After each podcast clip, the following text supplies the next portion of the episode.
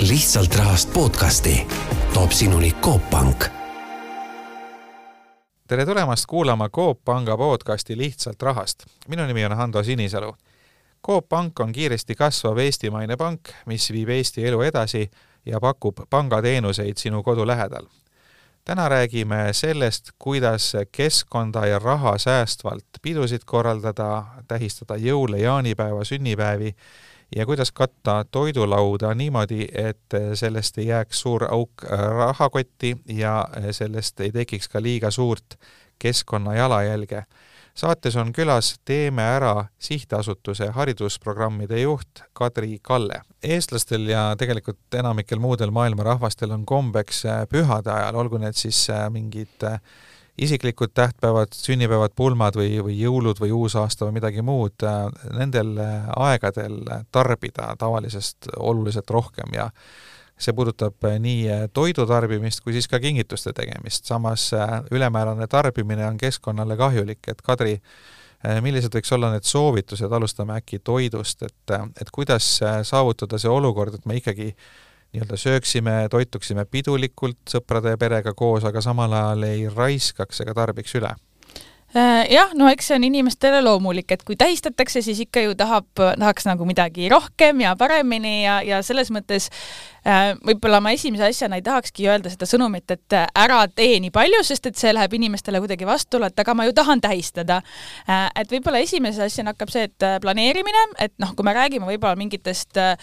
pühadest, näiteks jaanipäev on võib-olla nagu see näide, kus in-, kõik tulevad mingi grill-lihaga kohale ja lõpuks seda liha on nii palju, seda keegi ei taha, et näiteks omavahel ärajagamine. mina toon salati, mina toon liha ja, ja vaadatagi niimoodi, et seda ei saaks liiga palju ja üldjuhul on siis jõulud või, või jaanipäevad ka, kus tihti tähistatakse mitu päeva järjest, et, et tuuagi siis seda toitu arvestada võib-olla üheks päevaks, sest et noh, ilmselt järgmine päev niikuinii jääb midagi äh, alles äh,. ja võib-olla ongi see, et eh, kuna pigem me kipume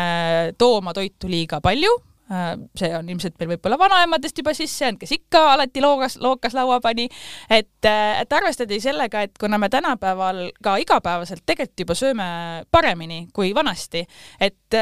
võib-olla võid vaadata hoopiski pühaseid kui aega, kui sa, me sööme kergemalt ja me sööme vähem kui tavaliselt. Ja võtame lihtsalt võib-olla proovime midagi paremat Äh, ja alustadagi sellest, et, äh, et võib-olla me tahame pühade ajal hoopiski kergemalt ja vähem süüa no tegelikult äh, see planeerimine on päris nagu hea point, sellepärast et tänapäeval kas või sotsiaalmeediat kasutades on võimalik ju väga lihtsalt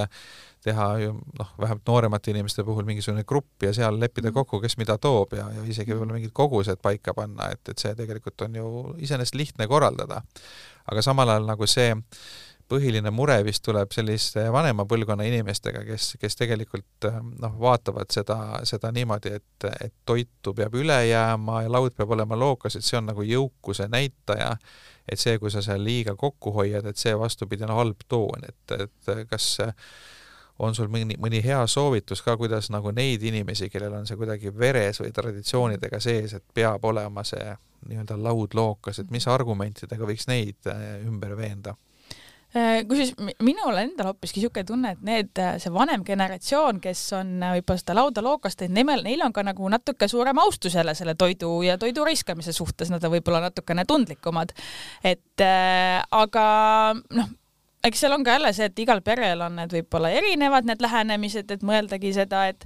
et noh, kui siis tõesti ei saa ju takistada, kui vanaema tahab sulle ikka teha suure hunniku kotlette, noh, sest et seal on nagu teised sotsiaalsed olulised asjad, et võib-olla siis lihtsalt mõelda nagu sellele, et aga teeme natukene vähem ja siis noh, siis jääbki lõpuks see variant, et aga anname siis selle ülejäänud toidu abivajajatele. et mina ise olen äh, Tartust, äh, Tartus elan ja Tartus on minu meelest väga lahedalt käima läinud toidukapp kappide, toidujagamiskappide niisugune komme, neid on nüüd juba minu meelest just avati äh, Annelinnas uus kapp, kuhu inimesed saavadki tuua oma ülejäänud toitu, seda saavad tuua ka kauplused, restoranid äh, ja inimesed juba teavad, siia on toodud toitu,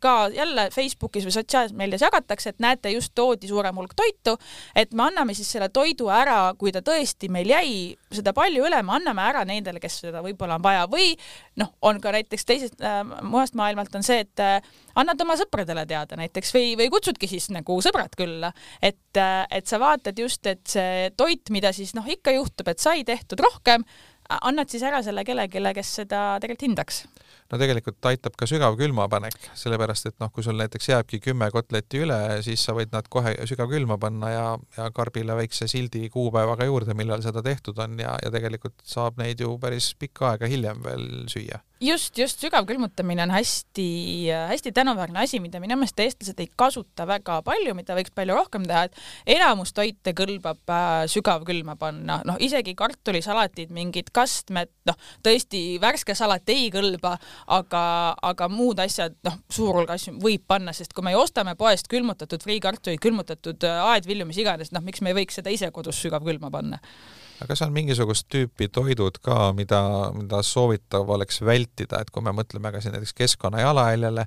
oletame, et kui tahaks katta sellise keskkonnasõbralikuma pühadelaua või, või, või sünnipäevalaua, et, et milliseid asju sinna võiks nagu rohkem panna ja milliseid asju vähem? no see liha on siiski, sellest me ei saa üle ega ümber, liha on kõige suurema keskkonnajalajäljega toit, eriti mis puudutab äh, välismaist veiseliha äh,. et sellel on kõige suurem mõju, siin kusjuures äh, see on nüüd see koht, kus äh, võiks soovitada pigem valida mm, eestimaist äh, maheliha, maheveiseliha, väga spetsiifiliselt, sest et eestimaine maheveis äh, kasvab meil loopealsetel ja ta tegelikult äh, karjatab, siis karjatatakse neid äh, puiskarjamaid ja see tegelikult aitab kaasa Eesti looduse elurikkusele. Äh, ta loomulikult on äh, lihana kallim, aga noh, see on võib-olla siis nagu ainuke koht, kus ma tõesti võin soovitada, et seda liha võib süüa, sest et ta on meil eestimaine maha, aga üldjuhul noh, liha võiks pigem vähe tarbida, see tegelikult see äh, läheb ka äh, nagu kokku tervislike soovitustega, et me eestlastena sööme siiski natukene liiga palju liha noh, see ei tähenda nüüd seda, et ma, ma ei öelda, et kõik peaksid nüüd veganiteks hakkama, et noh, minu jaoks nagu niisugune pigem võib-olla tasakaalustatud meie kohalikust äh, toidust äh, menüü on täiesti okei okay,, aga noh, võib-olla seda liha ei pea nii palju olema, eriti seda, kui me arvestame, et seda liha läheb tõesti palju raisku, et äh, validagi siis just seda kvaliteetsemat liha ja tõesti nautida seda, et näiteks samamoodi on Eestis olemas äh, mahebroiler äh,, on äh, Antu Mõis, kes seda pakub ja selle broileri maitse tõesti on noh, teistsugune, mahlasem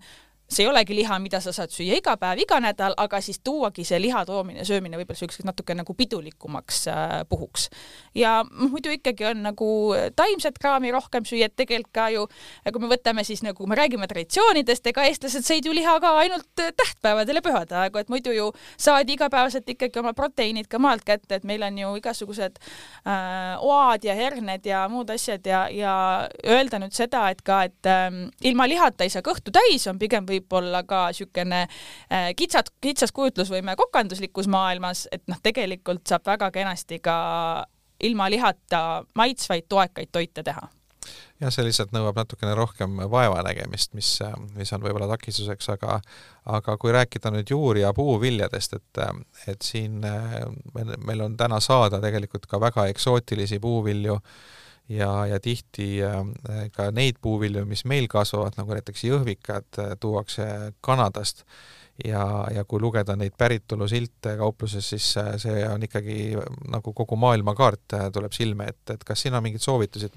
kui, kui nüüd mõelda juur- ja, ja, ja puuviljade peale, et mida seal arvestada? jah, no üldjuhul, kui me räägime puhtalt nüüd toidu keskkonnamõjust, siis võiks öelda, et see eelistusjärjekord võiks käia niimoodi, et kõigepealt igasugune toidukraam, mis sa oled ise kasvatanud või ise korjanud näiteks, noh, marjade puhul eestlased siiski on päris suured veel korilused, kori, korilased, et et äh, kõik kraam, mis sa ise äh, saad korjata, kas sa tead, kust see täpselt tuleb, võiks olla see esimene, loomulikult me kõike ei kasvata. järgmisena võiks olla Eesti mahetoodang, sellest järgmisena võiks olla välismaine mahetoodang, sealt edasi võiks olla siis äh, eestimaine toodang ja sealt edasi siis noh, tavatoodang ja siis välismaine tavatoodang, et tegelikult see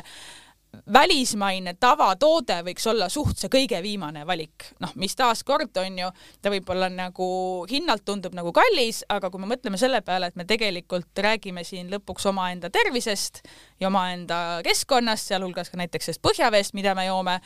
noh, siis ta pikas perspektiivis äh, on tegelikult kõige parem valik ja ta saas, taaskord võib-olla siin on ka jälle see, et siis me kergekäeliselt ei raiska oma toitu nii palju ja me tegelikult nagu teemegi hoolikamalt neid valikuid, mida me sööme, kuidas me sööme, kui palju me sööme äh, ja lõpuks sellest võidab nii keskkond kui meie enda tervis ja pikas perspektiivis ka ilmselt rahakott nüüd see mahe on, on see sõna, mida vahel ka võib-olla kuritarvitatakse, et kas, kas me täna äh, kas seadusandlus on selline, et me võime täna uskuda seda, et kui mingi asja pakendi peale on kirjutatud mahe, et ta siis tegelikult on ka ja tegelikult on seadus siin üsna range, et näiteks ongi, et äh, kui sa ütled mahe, siis ta peabki olema ikkagi sertifitseeritud mahe, seal on tavaliselt ka niisugune roheline nagu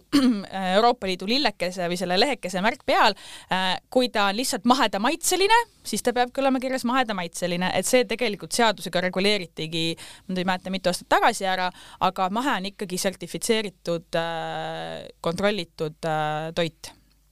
no selle ise korjatud äh, marja või, või seene kohta on ka tegelikult äh, vastuargument see, et kui sa sõidad autoga seenemetsa mitusada kilomeetrit maha, et siis see keskkonna jalajälg, äh, mis tuleb sellest bensiini põletamisest, on, on ka päris suur, et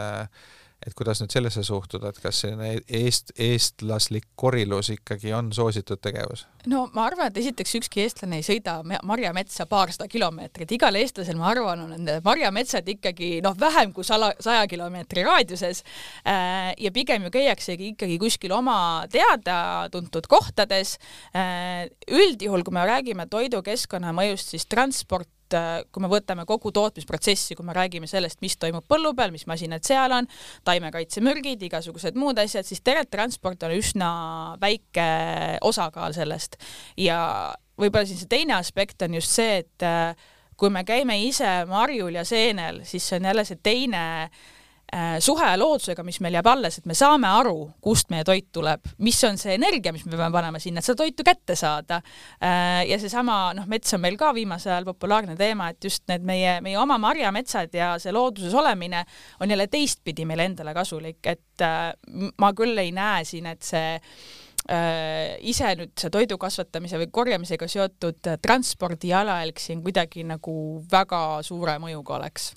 nii, räägime teisest äh, pühadega seotud teemast ka ja tähtpäevadega seotud teemast, need on igasugused kingitused. ja no siis ka need igasugused aksessuaarid, ilutulestikud, õhupallid ja, ja, ja paberist mütsid ja kõik, mis sinna juurde kuulub, et et jällegi äh, noh, ma arvan, et igaüks meist on kogenud seda, et me oleme saanud äh, kingitusi, millega, millel midagi peale hakata, mille võiks kohe ära visata iseenesest, mida ei ole vaja või mis lihtsalt ei sobi ja, ja noh, teisipidi me oleme vahel ka surve all, et me peaksime tegema kingitusi ja noh, ongi, kui on mingisugune eelarve ette nähtud, et ma ei tea, kümne euro eest tuleb teha võõrale inimesele mingi pakk, siis ikka suhteliselt raske on midagi väga sellist asjalikku sinna, sinna pakki selle, selle eelarve piires mahutada.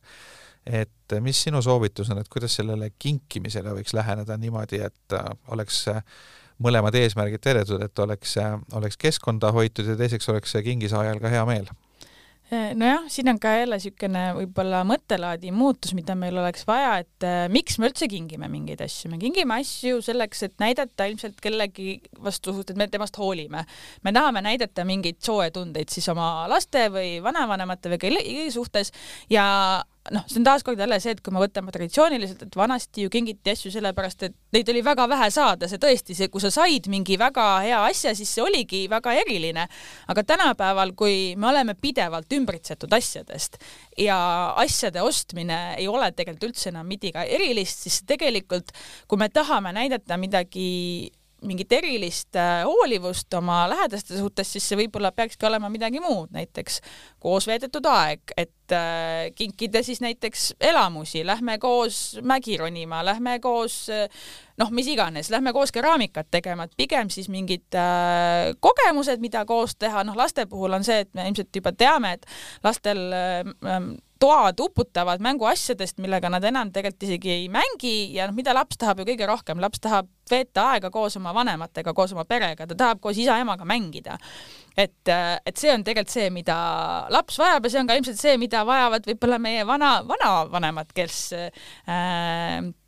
kes siis ka nende king-, et see on nagu mingi ka niisugune nagu vana aja taak, mis on jäänud, aga kuna ühiskond meie ümber on muutunud, siis me peaks ka neid kingitusi vaatama teisiti või siis noh, lõpuks ongi see, et kui mingit asja ikkagi tahetakse, siis küsidagi see, äh, mida, mida soovitakse, et on ka juba see ju, et inimesed teevadki endale väikseid nimekirju, mida nad, mida nad tahavad. Äh, minu enda näide näiteks sama võib-olla seoses ka selle toiduga, et kui mina pean sünnipäeva, siis ma kingitusi ei taha, ma ka ei kata lauda, ma ütlen sõpradele, ma teen koogi, tulge kohale, tooge süüa-juua kaasa, täidame koos laua, veedame koos aega. ma tahan nendega koos aega veeta, mul ei ole aega päev otsa vaaritada. Äh, see välistab selle, et meeletult palju süüa oleks, igaüks võtab kaasa seda, mida ta tahab ja eesmärk ongi lihtsalt nagu koos aega veeta on sul mõni hea soovitus ka, et äh, noh, kui me räägime näiteks äh, jõuludest, et äh, kuuse alla ju pannakse selliseid ilusaid pakke ja siis on kõik see paki avamise üllatusmoment mm, -hmm. aga kui ma nüüd tahakski kinkida kellelegi ma ei tea, kaks tundi äh, jalutuskäiku loomaaias, et kuidasmoodi seda oleks niimoodi hea vormistada, et see nagu noh, a la, et ma võin ju kellelegi öelda, et tead, ma sulle noh, laps võib-olla ei saa sellest aru, kui ma ütlen talle, et et siin mänguautot ei ole, aga ma sinuga võib-olla kahe nädala pärast tulen korraks loomaaeda, et see peaks olema nagu ka vormistatud siis niimoodi, et, et see nagu mõjuks, et on sul siin mingeid häid mm. nõuandeid, kuidas seda teha? no siin on ka jälle võib-olla see, et noh, loomulikult me inimestena tahame seda põnevust ja erilisust ja et oleks äge ja natukene ilus ja kõik, et see on ka täiesti loomulik, loomulik vajadus meil, aga võib-olla siin mille järele mõttes, et mis on see emotsioon, mida me tahame anda selle kingituse lahtipakkamisel, see on mingi põnevus, mingi ootusärevus, mingi üllatus, ma ei tea, mis seal on. noh, võib ka lahendada võib-olla niimoodi, et, et me pakime siis selle kinkekaardi mingid, et võivad olla ka ju meil näiteks korduvalt kasutatavad asjad, et mingi mitme salli sisse või äh, paneme mingitesse kingakarpidesse või peidame näiteks toas ära ja laps saab näiteks äh, kaardi, kus ta peab otsima üles selle koha, kus see on. et äh, seda elevust ja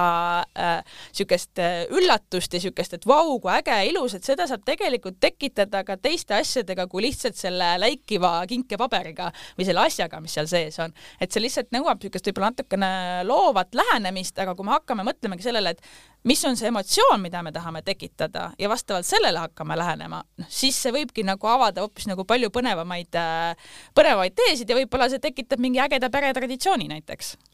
nagu ikkagi otsustada, et nüüd ma tahaks kinkida mingi asja, et äh, siis on ka võimalik ju valida, kas osta mingi rahvusvahelise suurkorporatsiooni masstoodetud asi või siis äh, näiteks Eesti käsitöö või Eesti disaineri tehtud asi ja sellega me tegelikult äh, toetame ka kodumaist ettevõtlust, et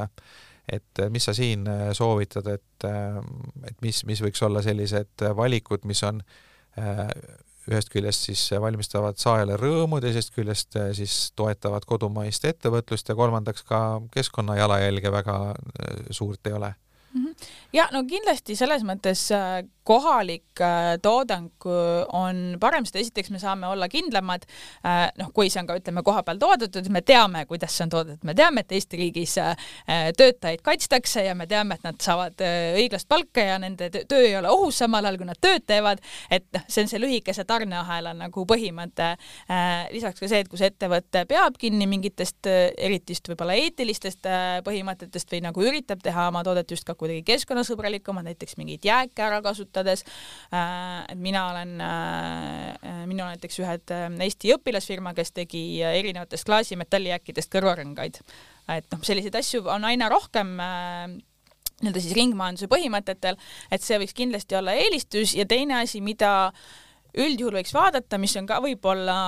mida nii-öelda see odav Hiina kaupa taga on see, et kui kaua need asjad üldse vastu peavad. et kui me tõesti tahame mingit asja endale soetada, siis see eesmärk võiks olla see, et mida me küsime, et kui kaua ma saan seda kasutada, kas ma saan, kas ma ostan selle asja või ma kingin selle asja tegelikult niimoodi, et ma võiks terve elu sellega käia, et, et väga tore on, on üks Suurbritannia ja ka USA-s on niisugune koduleht on buymeonce.com, mis ongi see, et osta mind korra, kus ongi müügil ainult need tooted, millel on hästi pikk garantii, meil on näiteks kindlustatud see, et nad on parandatavad, sa saad mingeid varuosi osta, aga need ongi asjad ja esemed, mida sa ostad terveks eluks ajaks, mis tähendab, et sa lõppkokkuvõttes Äh, hoiad raha kokku, sa hoiad aega kokku, sest et sa ei pea iga poole aasta tagant või aasta tagant endale seda uuesti ostma. Ja noh, ka kingitusena on, on see võib-olla selles mõttes siis, äh, siis tore, et äh, et ka ju kui me võtame selle, et see asi on kuidagi võib-olla sümbol sellest inimesest, keda me hoolime, et et kas see meie suhe võiks olla pikk ja kauakestev, me ostame ka asju, mis peavad vastu, mis ei lähe kohe katki. Nojah, siin võib vaadata ka neid asju kui investeeringut, et sellel odaval rämpsul on ju tegelikult nagu äh, nagu negatiivne väärtus selles mõttes, et sa maksad ta eest raha ja siis sa tegelikult lõpuks äh, pead ka maksma tema äh, utiliseerimise eest, sageli prügimäele viimise eest. aga kui sa ostad midagi sellist, mille väärtus ajas noh, mõnel juhul võib-olla isegi kasvab, võib juhtuda, et mingisuguse ehte või, või kunsti või ma ei tea, mm. kella väärtus isegi aja jooksul kasvab noh, kuigi sellele on nagu raske võib-olla äriplaani üles ehitada, aga vähemalt on asju, mille väärtus nagu katastroofiliselt ei kahane, et tal, tal on mingi väärtus ka aastate pärast olemas, et see võiks olla võib-olla ka niisugune hea point, et, et mõelda, et et kas see asi kümne aasta pärast on ka veel midagi väärt või, või, või ta ei ole, et kas seda näiteks edasi müüa oleks võimalik või, või edasi anda jah, no siin ongi nagu ka see, et kuidas on, ikka öeldakse, et ma ei ole nii rikas, et osta odavaid asju, sest et eks ta lõpus nii on, et, et samamoodi noh, näiteks kui me räägime just võib-olla nagu riietest, tekstiilidest, jalanõudest, mingist mööblist, et kui ma ka kümne aasta pärast suudan selle edasi müüa niimoodi, et ta on põhimõtteliselt nagu uus ja ma saan ta eest, kas sa ütledki, et nagu sama hinna või kõrgemagi, et noh, see ongi tegelikult nagu see, mida me, mida me tahame, et me, minu arust oli äh, uuskasutuse juht, kes, uuskasutuskeskuse juht, kes kunagi ütles, et me äh, me elame ajal, kus asjadel ei ole aega meile kalliks muutuda, et noh, samamoodi kui me võtame needsamad mänguasjad, et noh, oli ju aeg, kus tegelikult lapsed mängisid oma emade või vanaemade mänguasjadega veel, sest esiteks noh, nad olidki väärtuslikud, neid oli vähe ja teiseks nad olid nii hästi tehtud, et noh, see võiks tegelikult ju jätkuda niisugune asi, et, et sellel asjal ta muutubki väärtuslikuks mitte ainult selle tõttu, et, et sa ostsid, vaid et ta tegelikult on, ta on sinu peres juba kaua olnud ja ta on vastu pidanud selle aja. et see niisugune noh, ka jälle nagu peretraditsioonid, mis jälle võib-olla nagu seostub sellega, et noh, mida me tegelikult tahame nagu hoida, me tahame hoida neid inimsuhteid, mis meil on. ja see asjad võiksidki teenida seda eesmärki, mitte olla niimoodi kiirelt ära visatavad, nagu tihti võib-olla kipuvad meil ka inimsuhted olema no see on tegelikult ka nagu raha kulutamise seisukohast nagu tark valik ju, et tegelikult on, on üsna rumal kulutada raha niimoodi, et sellest nagu mitte midagi alles ei jää, et ei jää ei mälestust ega, ega mingit emotsiooni ega seda füüsilist eset ka. et kui kulutada raha nii, et, et sellest jääb kas mingi väga hea mälestus või siis see asi, mida sa ostad või kingid, kestab kaua või ta väärtus püsib või kasvab, et siis on ka nagu äh, rahalises mõttes tark valik, et tegelikult see, see tarbimine, tarbimine võib-olla ei peaks olema nii, et see on nagu raha põletamine, et tarbimine võiks olla ka niimoodi, et see tegelikult on nagu, võib-olla see mõtteviis võiks olla natukene nagu investeerimisega samasugune. no ja mõnes mõttes noh, tegelikult me võime vaadata, et äh, iga tarbimisotsusega me tegelikult ju investeerimegi millegisse, kas me investeerime sinna Hiina äh, Hiina vabrikusse või me investeerime oma tervisesse, kas me investeerime äh, Eesti majandusse, kas me investeerime sellesse, et Eesti loodus oleks puhas, kas me investeerime Eesti väiketalunikesse, kas me investeerime jah, oma aega selleks, et me ei pea iga aasta veetma aega, et jälle uusi asju osta või, või noh, et ongi, milleks me nagu teeme neid, äh, millisesse tulevikku me tegelikult oma tarbimisotsustega investeerime? no üks selline ütlus on ka, et, et kapitalil puudub rahvus, et, et selles mõttes nende kohalike asjade puhul ka sageli hakatakse vaidlema, et et, et noh, mis see kohalik ikkagi see on, et, et võib-olla selle ettevõtte omanik on hoopis välismaalane või välismaa fond ja ja, ja komponendid, mida seal, ma ei tea, näiteks käsitöös ka kasutatakse, on kõik välismaalt ja, ja nii edasi ja nii edasi, et et kuivõrd üldse on, on mõistlik nagu nende äh, asjade päritolu uurida või, või jälgi ajada, kui kaugele see ulatub, et, et on seda üldse võimalik teha? No see on võib-olla see koht, kus äh, meil äh, igapäevaselt kodanikena on seda raske teha, sest et äh, see oleks põhimõtteliselt täiskohaga töö ilmselt, et noh, me ei jaksagi seda teha, et seda on võib-olla natukene ka ebaõiglaselt pandud tarbijate õlule või no inimeste õlule, et nad peavad seda tegema. et siin on see koht võib-olla küll, kus me võib-olla kodanikuorganisatsioonidena ja ka riigina peaksime ja ka ettevõtetena seda siis rohkem seda süsteemi läbipaistvust äh, tagamast, et noh, paraku me elame globaalses maailmas, kus on kõik need tarneahelad on väga läbipaistmatud ja kohati need suurettevõtted isegi, neil ei ole aimu kust ja mis teed pidi need tulevad, et see, see maailm meil hakkab praegu alles avanema, kus hakatakse aru saama, noh, kas või räägime siin praegu tekstiiliettevõtete näitest, et kuna ma seda natukene tean, et et seal noh, see ongi väga väga raske töö ka nendel suurtel ettevõtetel teada saada, et ja nii-öelda siis äh, kindlaks teha ja tagada seda, et kuskil nende töötajaid kuidagi ei ekspluateerita. et, äh, et siin on selles mõttes võib-olla meie tavakodaniku käed jäävad natukene lühikeseks, aga see on võib-olla see koht, kus me siis nii-öelda öö, oma tööalased, kas siis ettevõtte juhtidena või organisatsiooni juhtidena küsida siis oma nendelt tarnijatelt või nendelt, kellelt me ostame, kes tegelevad nende asjade tootmisega, et aga kust su asjad tulevad ja mina tahan teada, kust nad tulevad ja kes need on teinud. et see on võib-olla nagu